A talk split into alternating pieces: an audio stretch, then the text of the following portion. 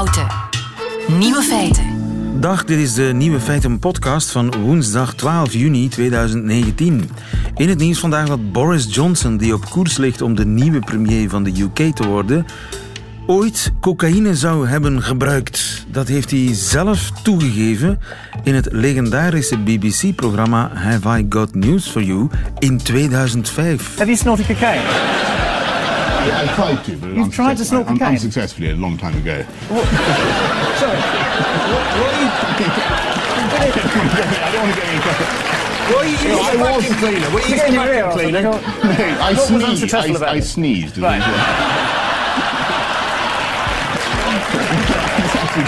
So the four people around you took cocaine, did you went, I'm David Cameron with my Very, head. very small. There was only a very small quantity. It was a long, long time ago. I, I think it's probably a particularly uh, disgusting and ridiculous thing to do. And um, what else can I say about it? um, and, and, Sounds and very, very, very, very, very wrong and bad. Boris Johnson in 2005 in Have I Got News for You. In zijn studentenjaren probeerde hij ooit cocaïne te snuiven zonder succes, want hij moest niezen. Intussen ontkent hij ooit drugs te hebben gebruikt. De andere nieuwe feiten. Vandaag in Bagdad is er tegenwoordig een vrouwencafé. Lage rugpijn kan je bestrijden met pijn. De Nederlanden hoorden lang bij Spanje, maar de Spaanse taal liet nauwelijks sporen achter in het Nederlands. En Jezus haalt tegenwoordig de hitparade. De nieuwe feiten van Nico Dijkshoorn hoort u in zijn middagjournaal. Veel plezier. Nieuwe feiten. Als vrouw zonder sluier op café gaan. In Bagdad mag dat tegenwoordig. Dag Judith Neuring, goedemiddag. Goedemiddag. Je bent correspondent Irak en jij hebt het gedaan, hè? Ja, ik ben naar een vrouwencafé geweest. Het eerste wat eh, recentelijk in Bagdad is geopend. En waar je inderdaad, als je binnenkomt, eh, eh, dan gaat de hoofddoek af en de abaya gaat uit. eh, de lange jas die veel vrouwen dragen. En dan moet ik heel eerlijk zeggen dat ik als westerse vrouw geen hoofddoek draag in Bagdad. Ehm, dat is al een tijdje niet meer nodig. Dat is al een tijdje. Er, is, er, er waait een soort eh, wind van vrijheid door de straten van Bagdad. Ja, dat kun je wel zeggen. Ehm, je ziet eh, eh, steeds meer kleurige vrouw- vrouwenkleding. Dat was een hele tijd vooral ook veel zwart. Ehm, je ziet heel langzaam eh, dat hoofddoeken eh, uit het straatbeeld. Nou ja, het verdwijnen niet, ze worden minder. Ehm, met name jonge vrouwen beslissen eh, in goed overleg met hun ouders over het algemeen. Dat dat ding nu toch wel weg kan. Dat de situatie weer normaal is, zoals zij dan zeggen. En zo'n vrouwencafé, wie nam het initiatief? Dit was een zakenvrouw. En het, het feit op zich dat er zakenvrouwen zijn, is, eh, is in Bagdad natuurlijk ook al een ontwikkeling. Eh, deze dame ehm, eh, besloot om samen met haar dochter een, een café alleen voor vrouwen op te zetten, omdat zij merkte dat met die vrijere sfeer er ruimte voor kwam en behoefte. Want hoewel je elders in diezelfde wijk ook jonge vrouwen in, in gemengde cafés zit, ziet zitten, waarbij ze aan één tafel zitten met, met jonge mannen, zijn dat er nog steeds families die meer traditioneel zijn en die willen wel graag dat hun dochter in een plek zit waar alleen maar vrouwen komen. Dus vandaar dat dat café daar nu eh, inspeelt op een behoefte. En wie kom je daar tegen? Zijn dat mensen van een soort feministische praatgroep? Nou, het grappige is dat ik dat ook dacht eh, vanuit mijn eigen ervaring al die jaren geleden in Amsterdam. Maar dat is niet zo. Je, je komt met name de gegoede middenstand tegen eh, en de dochters daarvan. Eh dit zijn de wat traditionelere mensen die toch nog niet helemaal naar een gemengde samenleving toe willen. Waar het nog wel zo is dat de mannen en de vrouwen levens apart zijn. Zoals dat nog eh, ja, zoals dat toch wel jarenlang in Irak ook eh, al het geval is. Ja, ja, maar dus de echte durvers, zeg maar, die gaan naar de gewone cafés tussen de mannen zitten. Dat klopt, ja. En doen ze dat En- ook en- ongesluierd? Dat doen ze voor een deel ook ongesluierd, ja. En ik, ik kan je daar nog een voorbeeld van geven. Want ik heb toen ik in Bagdad was onlangs ook gekeken naar het feit dat er meer gemengde huwelijken zijn. En ik sprak met een, met een jong stel waarvan het meisje ook eh, geen hoofddoek meer droeg. En met Ehm, gemengde huwelijken bedoel je Shiiten en Soenieten? neem ik aan. Ja, dat bedoel ik. Dat was in de tijd van Saddam, dus voor 2003, was dat heel normaal.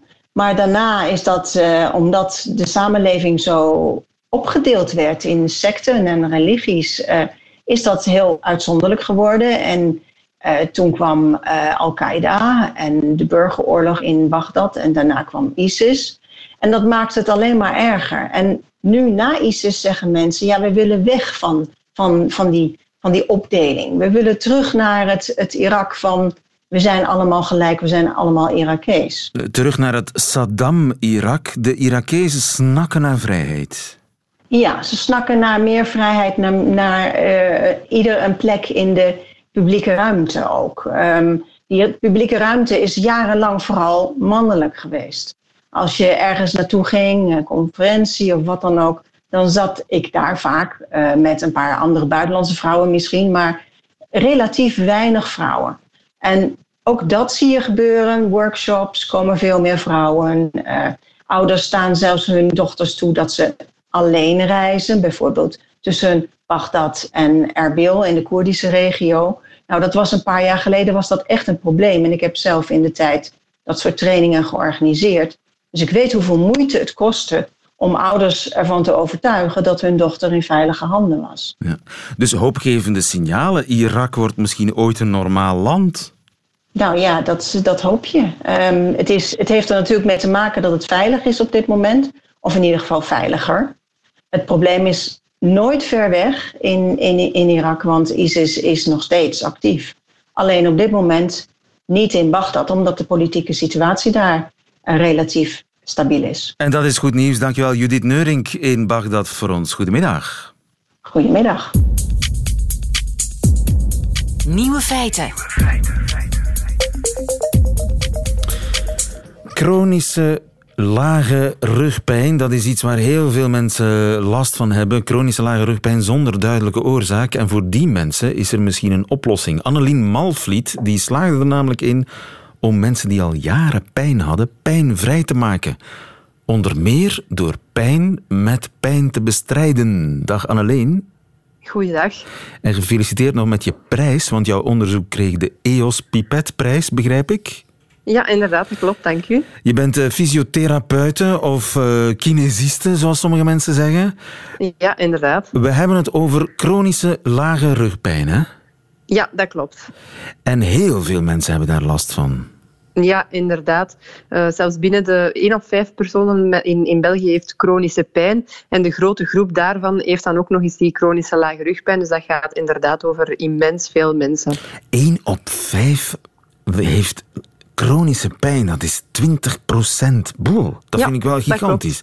En de grootste groep van die groep mensen heeft uh, chronische lage rugpijn zonder dat er een ja, directe oorzaak valt aan te wijzen. Er is geen scan die kan laten zien wat er niet in orde is. Die rug lijkt oké, maar doet toch pijn. Dat is de situatie. Ja. Hè?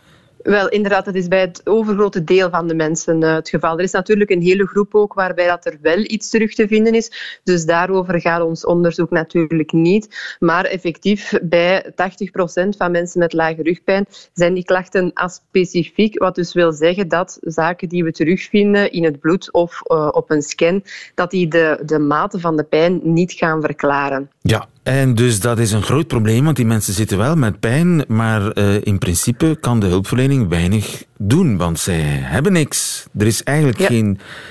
Ja, de, de, de, miserie is niet gelokaliseerd als het ware, maar jij bent erin geslaagd om die miserie alsnog te lokaliseren. Ja, wel inderdaad. Het is zo dat uh, therapie zich vaak toch lokaal gaat richten op, op de rug dan. En dat dat slechts korte termijn effecten heeft. Dus wij zijn dan gaan kijken op welke manier dat we dan toch op lange termijn effecten zouden kunnen bereiken. En dat is inderdaad als we ons eerder gaan richten op het zenuwstelsel en het brein. Want we weten vanuit wetenschappelijk onderzoek dat er effectief wel aanpassingen gebeuren in het brein en in uh, het zenuwstelsel die de klachten mede gaan onderhouden. Met andere woorden, die pijn zit gewoon tussen de oren. Wel, dat vind ik een, een uitspraak die nogal kort door de bocht is. Uh, zeker omdat veel chronische, of mensen met chronische pijn daar nogal gevoelig voor zijn, omdat het dan lijkt natuurlijk uh, alsof het ingebeeld is. En dat is het zeker niet. Nu, anatomisch gezien zit het tussen de oren. Waarom? Omdat ons brein tussen onze oren zit natuurlijk. Maar het is dus zeker niet zo dat we uh, ja, de pijn niet gaan erkennen als iets dat er effectief is.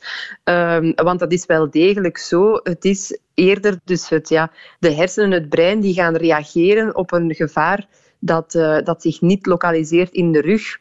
Maar we zien wel effectief een biologische oorzaak voor die klachten in het, uh, in het zenuwstelsel. Ja, dus dat brein denkt dat er pijn is, maar eigenlijk is dat brein in de war. Ja, dat brein reageert alsof er inderdaad schade aanwezig is in de rug, uh, waardoor mensen dan ook het, het, idee gaan hebben van oei, ik moet hier oppassen met bepaalde bewegingen, uh, waardoor er een, een, vermijdingsgedrag ontstaat. Dus men komt eigenlijk in een vicieuze cirkel, waardoor men steeds minder gaat, uh, gaat doen. En het is net met de therapie die, dat wij dan die vicieuze cirkel willen gaan doorbreken, door mensen geleidelijk aan opnieuw bloot te stellen aan die bewegingen en activiteiten die vermeden worden. Dus toch dingen optillen. Ja, maar natuurlijk niet meteen van in het begin alles terug gaan doen dat men langdurig vermeden heeft. Want dan ga je natuurlijk het brein, uh, ja, gaat het brein daarop weer gaan reageren uh, alsof er iets aan de hand is. En dan ga je natuurlijk wel een toename in pijn gaan creëren. Dus het gaat hem net over een heel graduele, rustige blootstelling aan die uh, bewegingen, ja, die in eerste instantie nog heel ver weg staan van wat men uiteindelijk weer wil gaan doen. En die in eerste ehm, instantie uh, ook heel veel pijn doen. Dus je moet eigenlijk tegen de pijn in. Wel, die, nee, we gaan niet meteen oefeningen doen die heel veel pijn doen. Dat is zeker niet Een beetje pijn want, doen ja, die mogelijk een beetje pijn of zelfs helemaal geen, geen, geen pijn uitlokken. Um, zodanig dat er ook wel een succeservaring is. En dan gaan we eigenlijk stelselmatig heel rustig verder gaan opbouwen door de oefeningen steeds moeilijker te maken, uh, steeds uitdagender te maken, maar wel telkens met een heel functionele insteek naar activiteiten uit het dagelijks leven die, uh, die mensen opnieuw willen gaan doen. En het is de bedoeling dat dat brein dat in de war is, terug eigenlijk met de voeten op de aarde wordt gezet. Dat brein moet eigenlijk weten dat er geen probleem is. Ja, het is zo dat we het brein ja, eigenlijk gaan aanleren dat die bewegingen helemaal geen, uh, geen probleem zijn en dat die mogen uitgevoerd worden. En dat werkt, die therapie? Ja, inderdaad. Dat hebben wij toch gezien uit onze studie die, uh, die we uh, ja, vorig jaar is die gepubliceerd in een wetenschappelijk tijdschrift en nu, waar dat we nu dan ook die EOS Pipet-prijs voor hebben gewonnen, um, waarbij we deze soort therapie hebben vergeleken met een eerder lokaal gerichte therapie en blijkt dus dat effectief wanneer dat we het brein eerder gaan, uh, gaan targeten, als het ware, dat dat veel betere effecten heeft, niet alleen op pijnvlak, maar vooral ook op functioneel vlak. Dus mensen functioneren beter, voelen zich ook mentaal en algemeen uh, gezien beter. Uh, en dat dus niet alleen meteen na de therapie, maar ook nog één jaar, uh, op één jaar follow-up noemen we dat dan. Dus één jaar na dat ze de therapie hebben, hebben doorlopen, rapporteren ze nog steeds die positieve vooruitgang. Dus heel veel fysiotherapeuten moeten zich omscholen of moeten in elk geval jouw onderzoek lezen. Ja, dat lijkt mij inderdaad uh, nuttig. Mocht deze therapie uh, meer nog geïmplementeerd worden in de, in de dagdagelijkse praktijk, omdat we wel effectief zien dat het, uh, dat het zijn voordeel kan bieden bij een heel aantal mensen. Het is natuurlijk niet zo dat, dat, dat 100% van de, van de populatie daar positief op zal reageren, want het is natuurlijk geen, geen mirakeltherapie. Dat is bij geen enkele therapie zo. Maar ehm, het overgrote deel van, van mensen kan daar zeker wel mee gebaat zijn. Nogmaals gefeliciteerd met je prijs, Anneleen Malvliet. Goedemiddag. Ja, dankjewel. Nieuwe feiten. Voor het eerst na Sœur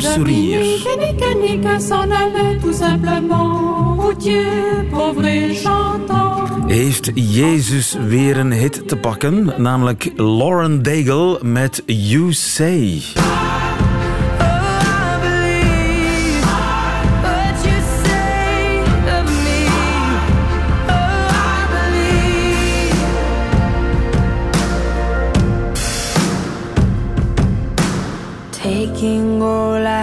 heaven, now I'm laying it at your feet.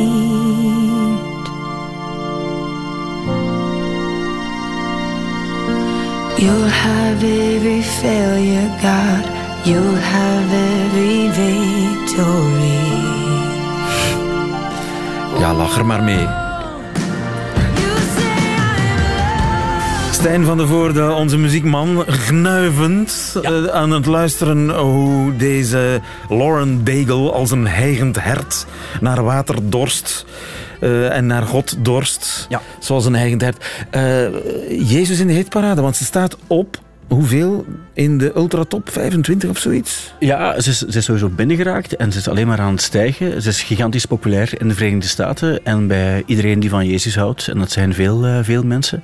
Het is een fenomeen ook wel. Ze heeft ook een Grammy gewonnen, want dat bestaat dus ook. Er bestaat een Grammy voor de beste contemporary eh, Christian music. En die bestaat sinds 2012. Het is een vrij recent gegeven ook nog. En ja, dat, dat, er is een, in Amerika is er een grote markt voor. Eh, het is vanuit de country dat, dat het voortgekomen is. Maar je hebt in de jaren tachtig had je bands als Striper enzovoort. En dat waren echt bands die, die deden wat dus andere... Toen was dat zo de hard rock bands deden. Alleen bij hen gaan die teksten niet over vrouwen en drank en wat dan ook. Maar het gaat over de Heer. En waar die allemaal goed voor is.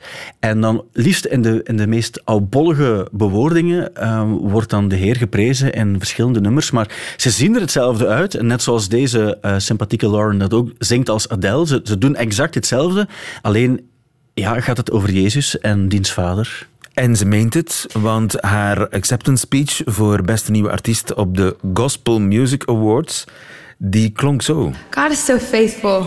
He just put a team around me, just helped me craft songs and move songs through. And um, the word says that they'll know we are Christians by our love. And so when I was thinking back, I was laying in bed the other day thinking, oh man, if I win one of those things, I wonder what I'm going to say. And I just really felt like God was just saying, we as a body, we as Christians have a legacy to leave, and it's all about the love of Christ to permeate through music and reach the hearts of all of the people out there that don't know Him and those that do know Him. And that's what music is all about to leave this legacy of love. So thank you again. Ja, een regelrechte preek, hè? Ja, absoluut. En het, eh, ja, vroeger, Johnny Cash heeft dat ook nog gedaan bij zijn liveplaten. Dat was ook over de Heer. Um, maar op een andere manier. Dat past ook wel bij die tijd.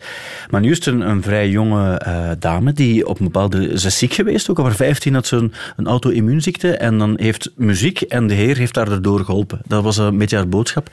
En ja, er bestaat een markt voor in bepaalde staten, in de Verenigde Staten. En je ziet het ook wel als er, nog, als er bepaalde artiesten een of andere award winnen. De, ja, Jezus wordt daar af en toe ook nog wel, uh, wel eens bedankt. Ja, dat, dat gebeurt ook Maar dat wel. is Amerika. Nu ja. Komt het naar hier, kennelijk. Ja. Moeten we daar iets achter zoeken? Ja, dat, is, dat is de vraag die, die met geloof te maken heeft. Zijn mensen dan, hebben mensen er weer behoefte aan op een of andere manier? Ik, ik denk ook als je naar de muziek luistert, aan de, mu de muziek zelf is niet zo heel opvallend. Bij Adele kan je nog zeggen, dat is nog heel catchy gemaakt en dat is perfect.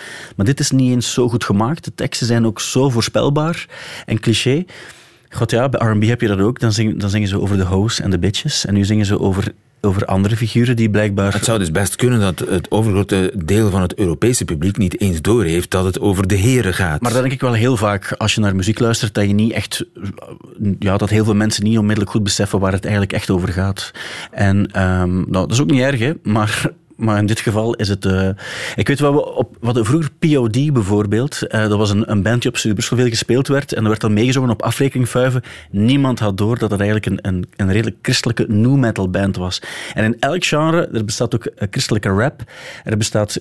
Um, noem een muziekgenre op en het bestaat ook in een christelijke versie daarvan. Ja. Alleen is die nooit nooit echt, als je het puur muzikaal bekijkt, nooit zo straf gemaakt. Maar mensen vinden het wel leuk dat het over iets anders gaat. Dus dit is eigenlijk een uitzondering, die Lauren Daigle. Dat is geen onderdeel van een grote trend. Dat is iets wat eigenlijk al heel lang bestaat. Het, het, is, het is een enorme trend in de Verenigde Staten. En af en toe pikken ze daar iets uit en dat raakt dan toch tot bij ons. Dankjewel, Stijn van der Voorde. Goedemiddag. Nieuwe feiten.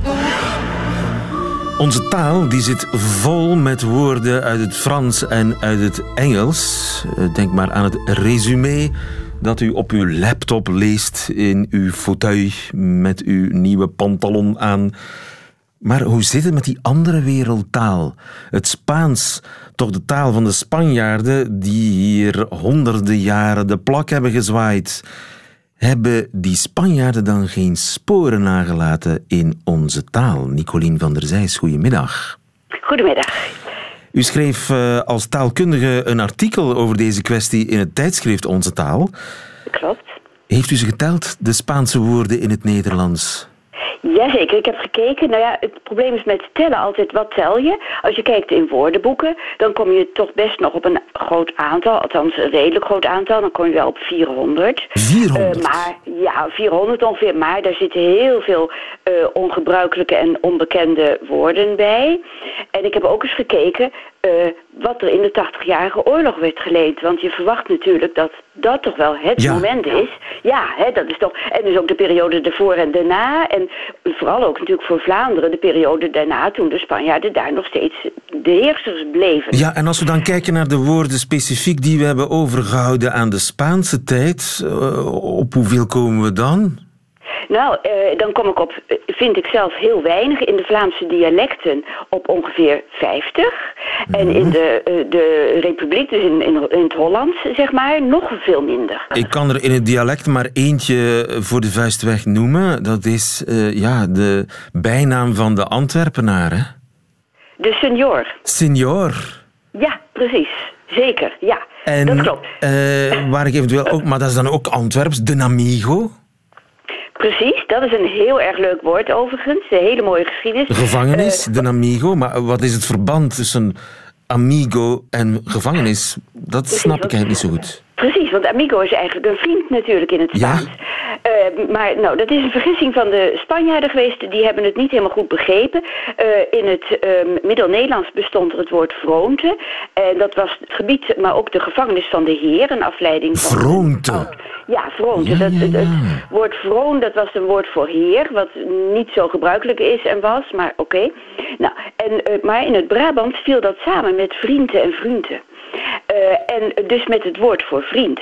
En de Spanjaarden die hoorden dat en die dachten, oh dat is het woord voor vriend. Maar dat was het dus helemaal niet. Dus Eh, de Spanjaarden en die dachten, hebben per ongeluk, per abuis, de gevangenis de vriend genoemd, de amigo. En dat doen we in Antwerpen doen we dat nog altijd. Exact. Wat vreemd. En wat zijn zo nog typisch Vlaamse woorden die eigenlijk Spaanse wortels hebben?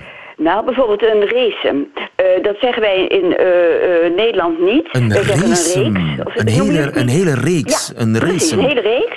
Dat is, eh, wij zeggen altijd een reeks, maar volgens mij in Vlaanderen is het heel gebruikelijk een racem. Racem, absoluut. Ja, ja, en dat is, eh, het is wel grappig, want het is eigenlijk het woord voor een riem papier.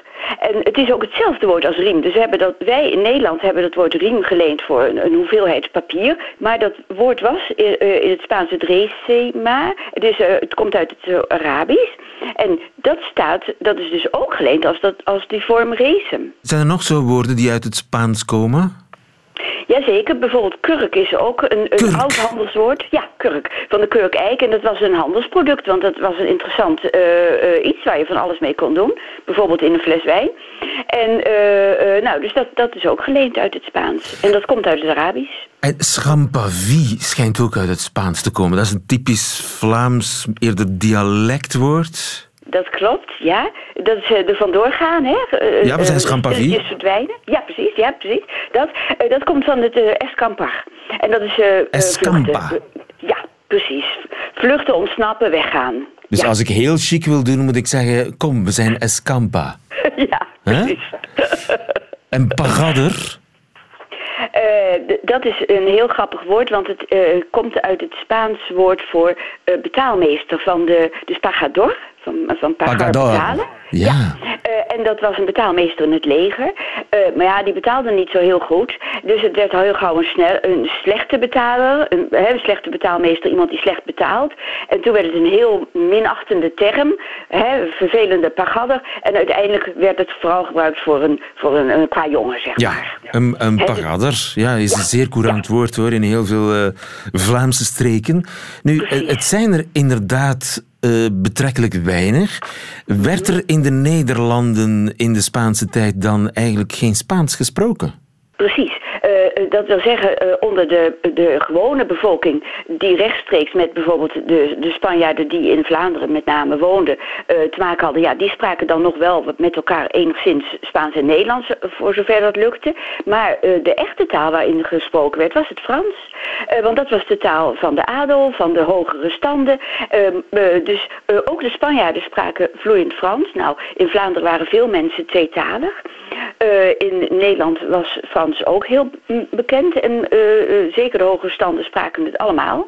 Dus dat was gewoon de taal waarin ze communiceerden. Dus het- Meer dan de volkstaal. De heren, ook de Spaanse heren, die spraken onderling Frans. Ja, dat, nou ja, onderling misschien niet, maar wel met de buitenwereld. Dat Ja. klopt. Ja. En dus de meeste Spaanse woorden die we dan toch uit het Nederlands eh, kennen, die komen van na de Spaanse tijd. Ja, of van de internationale contacten eh, in Amerika. Want daar zijn wel heel veel Spaanse woorden eh, overgenomen. Dat waren allemaal nieuwe producten die de Spanjaarden als eerste kenden. Want die waren de eerste die in Amerika landden. En die namen al die producten mee naar Europa met hun namen. En dat zijn vaak eh, namen van inheemse talen. Zoals mais en cacao en chocola en muskiet en lama. dat soort woorden. Patat. Ja, precies. Patat voor de zoete aardappel, inderdaad. En ik dacht altijd dat eh, hangmat een Nederlands-Nederlands woord was. Ja, maar dat is dus ook een Spaans woord. Althans, we hebben het via het Spaans geleend. Het is ook weer een, een, eh, een inheemse taal. Daar komt het eh, van uit. En het gaat terug op het Spaanse hamaca. Het is dus niet een mat die hangt. Nee, het is eigenlijk ook een mat die hangt. En vandaar dus dat we het woord hamaca hebben aangepast. Oorspronkelijk is het een hamaka, maar we hebben er een hangmat van gemaakt omdat dat ook enigszins klopt met wat het is. Ja, ja. Zeg, en omgekeerd Nederlandse woorden in het Spaans, hoe zit het daarmee? Eh, ja, dat is eh, nog veel bedroevender. Eh, dat zijn er echt maar heel weinig.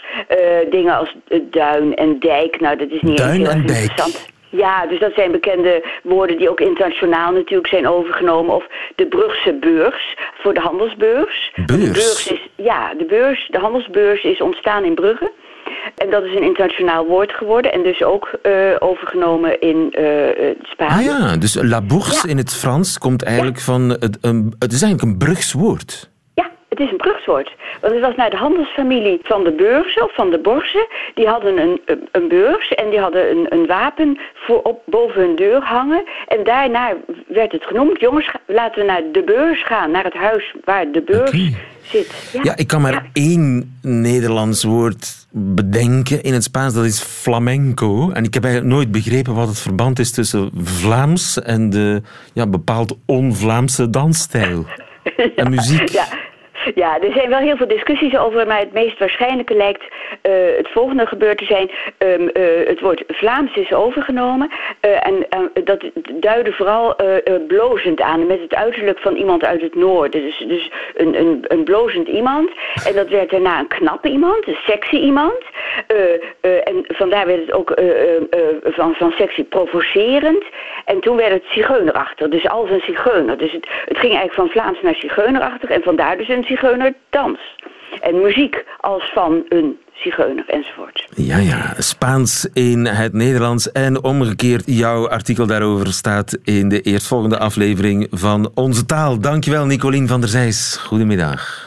Goedemiddag. Waarmee u alle nieuwe feiten gehad heeft van deze 12 juni 2019. Behalve natuurlijk die in het leven van de man, de geteisterde man, die het middagjournaal bijhoudt voor nieuwe feiten. En dat is Nico Dijkshoorn. Over naar Leiden. Nieuwe feiten. Middagjournaal. Beste luisteraars, ik zit midden in een bekend syndroom. U hoeft zich geen zorgen te maken, het gaat vanzelf weer over. Ik wil, en dat is heel kinderachtig, want het gebeurt ieder jaar. Ik wil wonen in het land waar ik twee weken op vakantie ben geweest en nu ben ik een hel voor mijn omgeving. Ik was gisteren bij mijn slager en ik vroeg aan hem in een winkel vol met mensen: Verkoop je ook stukken murren? Doe maar 200 stukken murren, ongesneden. Hij verkocht geen stukken murren. En dat was ook de bedoeling, want nu kon ik zeggen: geen stukken murren, In Zweden eten ze de hele dag. Waar je ook binnenkomt staat er iemand met een kluit stukkenmurren in zijn hand. Wat jammer zegt dat je het niet hebt. Doe dan maar een onsje sjurrewallen. Luisteraars, het is natuurlijk allemaal ijdelheid. Ik wil iedereen laten horen dat ik in Zweden ben geweest en dat ik Nederland nu haat. Ik vond opeens ook alle vogels in Zweden heel bijzonder. De tweede dag in ons vakantiehuis kwam Tanja het terras oplopen en ik deed mijn vinger voor mijn lippen stil. Ik wees naar een boom. Kijk dan. Tanja keek. Die hebben we in Nederland ook niet, zei ze. Je staat met een verrekijker naar een merel te kijken. Ik zei, ja, maar deze is anders. Deze merel heeft een mooier karakter, dat zie je. Hij helpt andere vogels oversteken en hij vangt wurmen voor vogels die slechter been zijn. Nu ik weer thuis ben, verlang ik naar de meren, het water en de miljoenen bomen.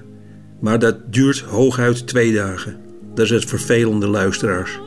Ik weet hoe het zal gaan. Morgen zal ik een paar buren en vrienden nog over een bepaald vissoepje in een klein Zweeds dorpje vertellen. Maar overmorgen maak ik mij alweer druk om iets typisch Nederlands, bijvoorbeeld blikjes tomatenpuree met een lipje op het deksel dat altijd afbreekt. Zweden zit nu nog in mijn lichaam, maar over twee dagen schrijf ik alweer woedend een brief naar een krant over een gevaarlijke kruising in Leiden. Tot die tijd, luisteraars, u moet echt een keer surremeuken eten.